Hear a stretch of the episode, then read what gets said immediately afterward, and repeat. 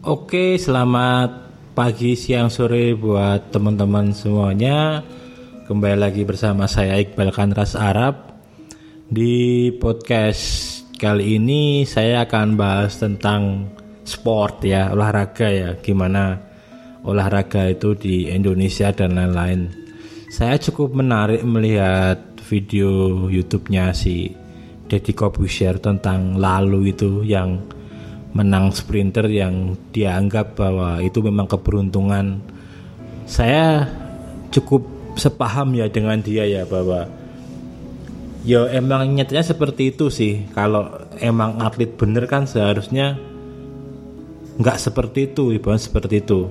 Kayak misal dia dalam keadaan tidak mampu terus punya apa namanya bisa lari cepat jadi ya sebenarnya itu karena keberuntungan bukan karena ke keberuntungan dan mungkin kelebihan yang dia punya itu jadi bukan bukan karena atlet yang benar-benar atlet gimana gitu loh. Dan saya nggak nyalain sih lalunya tapi emang lebih benar lebih lebih ke ya nyalain pemerintahannya lalu seperti itu. Dari dulu lah sebenarnya perhatian pemerintah tentang dunia olahraga itu sebenarnya bullshit bisa dibilang seperti itu. Mungkin kalau sekarang ini trennya memang kita harus menjadi artis yang viral dulu, artis sport, artis olahragawan atau olahragawan atau apa yang viral dulu, baru benar-benar mendapatkan perhatian dari pemerintah gitu loh. Ya kemarin juga pada akhirnya kan kayak setelah lalu itu kan ada si Fauzan atau siapa itu kemarin itu juga terus dapat perhatian kurang lebih seperti itu kan.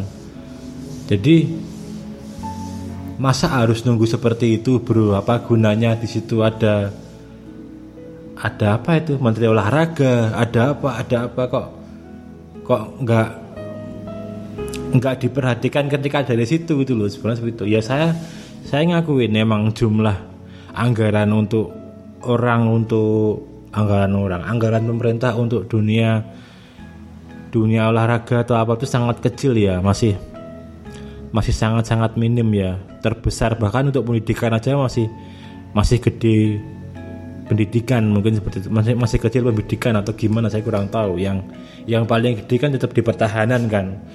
Berapa persen apa namanya uang negara dihabiskan untuk di bidang itu kan. Tapi sebenarnya itu juga bukan bukan hal yang yang jadi penghalang sebenarnya. Kalau pemerintahnya pinter kan menterinya juga pinter kan sebenarnya bisa manfaatin ya Yonek kalau dia atlet badminton atau Adidas atau apa yang mereka udah udah punya unlimited uang atau apa mereka juga bisa jadi sponsor di situ.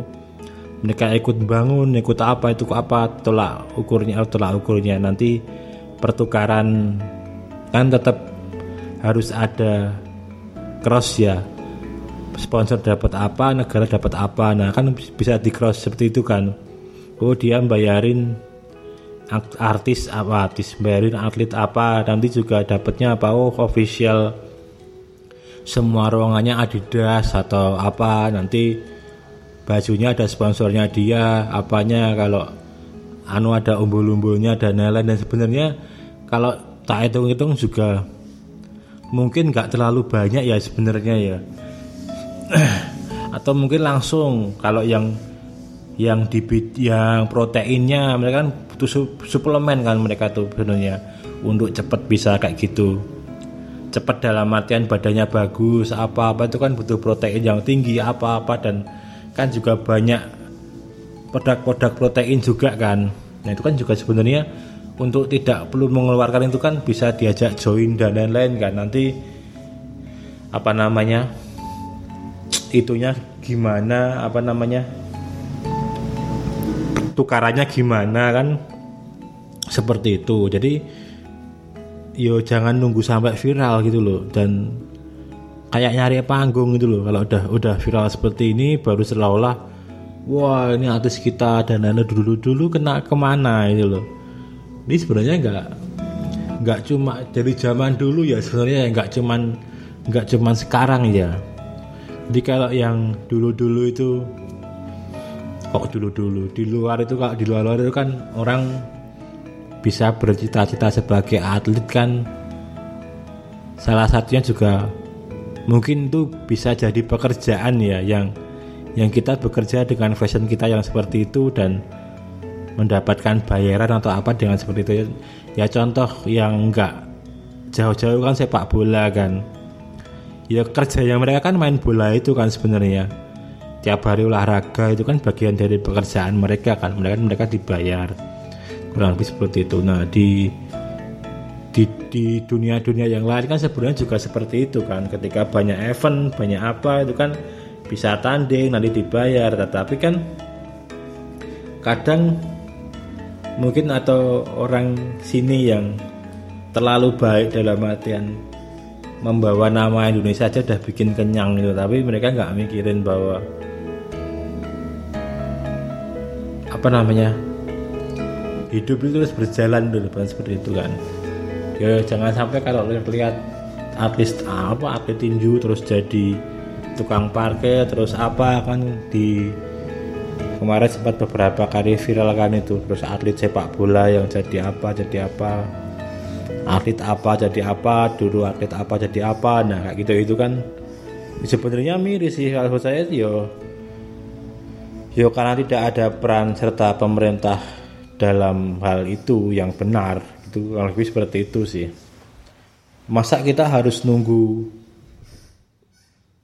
fenomena lalu lagi yang versi apa?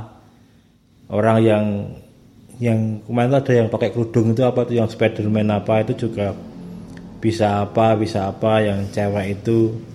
Jadi kayak seperti nunggu nunggu seperti itu loh bukan bukan kita tuh mencetak atlet loh. Bayangkan kayak Cina itu loh umur umur lima tahun aja udah digembleng. Bahkan nggak nyampe lima tahun tiga tahun aja udah udah kayak di sekolahin di emang atlet atlet itu udah digembleng di apa di apa jadi ketika umur umur 18 itu benar-benar udah start.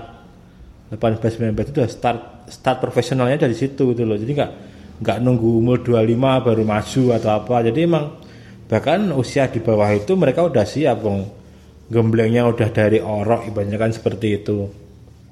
Nah, tapi kan untuk untuk bisa seperti mereka kan emang butuh ya nggak munafik sih, butuh butuh uang yang lumayan juga. Tapi sebenarnya ya ini kan masalah harga diri bangsa dan lain-lain kan. Sebenarnya yo kalau mau dianggarin ya emangnya harusnya harus harus dianggarin. Kalau enggak ya itu tadi serkeleran apa gitu yang punya punya perusahaan ditarik semua buat kayak gitu kan juga sebenarnya bisa saya pernah ngobrol sama atlet apa ya saya lupa. Kayaknya badminton sih. Itu kayak biaya biaya per orang selama sebulan itu kurang lebih sekitar 12.000 US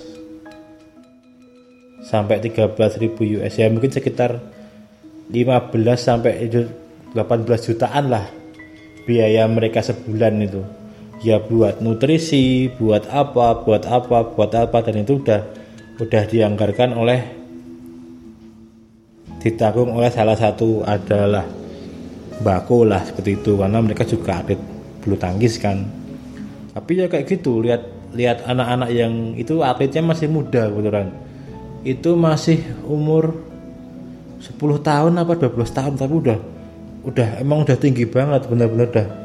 Pokoknya kayak kalau kita lihat itu emang pawaannya atlet tuh. Jadi bukan bukan yang orang biasa atau apa. Dan katanya ya emang udah dari dari SJ udah olahraganya itu gitu loh. Jadi mungkin jadinya bisa seperti itu. Dan saya rasa kenapa juga hanya bulu tangkis yang bisa bisa seperti itu yo yang bener-bener diopeni sama orang ya cuma bulu tangkis. Dan itu sebenarnya bukan bukan pemerintah juga yang langsung ngopeni atau apa kan di situ ada rokok ada apa ada apa sebenarnya kan yang yang ngopeni itu juga mereka mereka itu.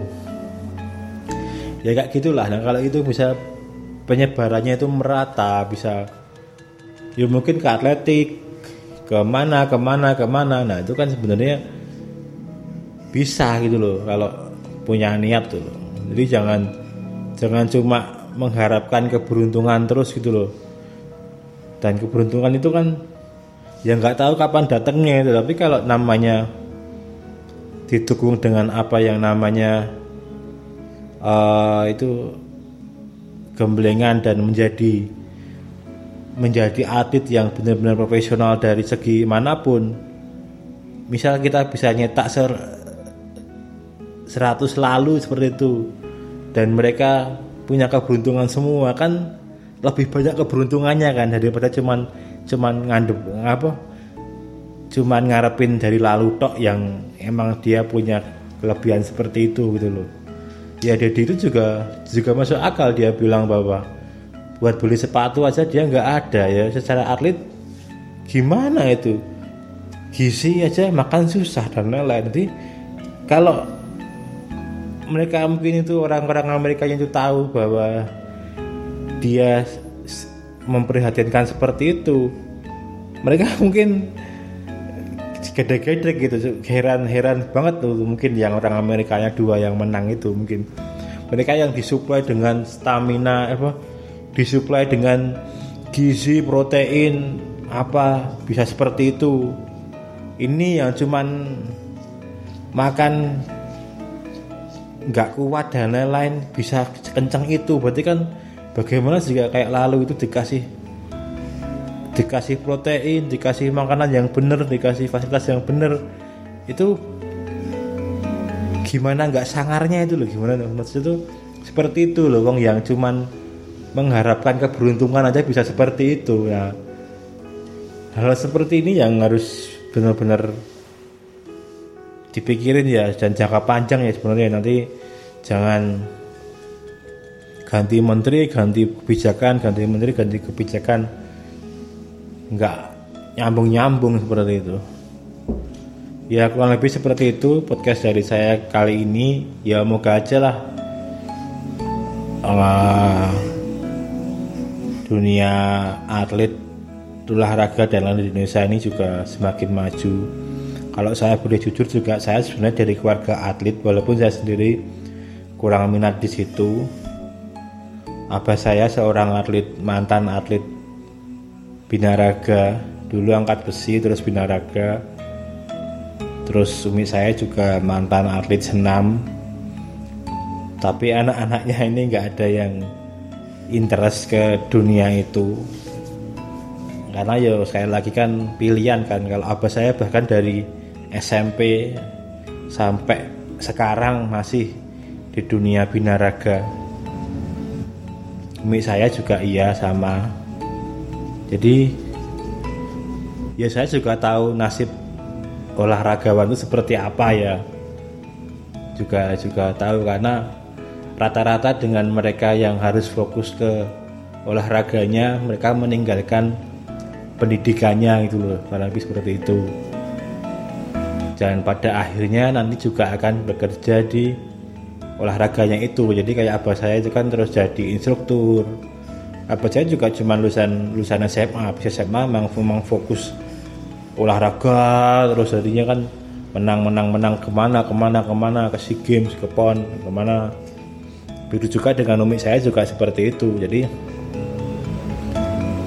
sangat-sangat di bidang karena di bidang pendidikan mereka itu saya bukan bilang pendidikan mereka kurang ya mungkin status pendidikan kan kalau status itu kan lebih ke apa namanya lulusan apa tuh bukan bukan apa namanya bukan pendidikannya atau gimana karena nggak kuliah pun kalau tiap balik di internet mungkin baca-baca juga secara ilmu bisa bisa melebihi dari yang dari yang kuliah gitu loh. Tapi kan kalau kita ngomongin apa namanya harus S1 harus apa nah itu nggak bisa ngapa-ngapain kita. Udah syaratnya emang harus itu. Nah rata-rata kan orang-orang yang di dunia olahraga seperti itu kan atlet kan seperti itu kan. Jadi sekolah juga dapat dispensasi izin dan lain-lain. Jarang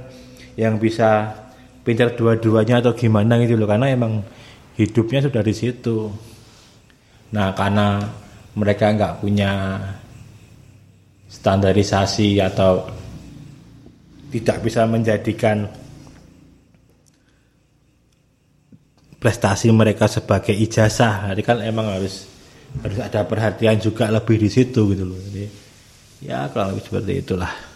Oke ini malah ngalor ngidul jadi panjang lagi tapi kurang lebih seperti itu ya teman-teman. Dia muka lah terus dunia olahraga di Indonesia.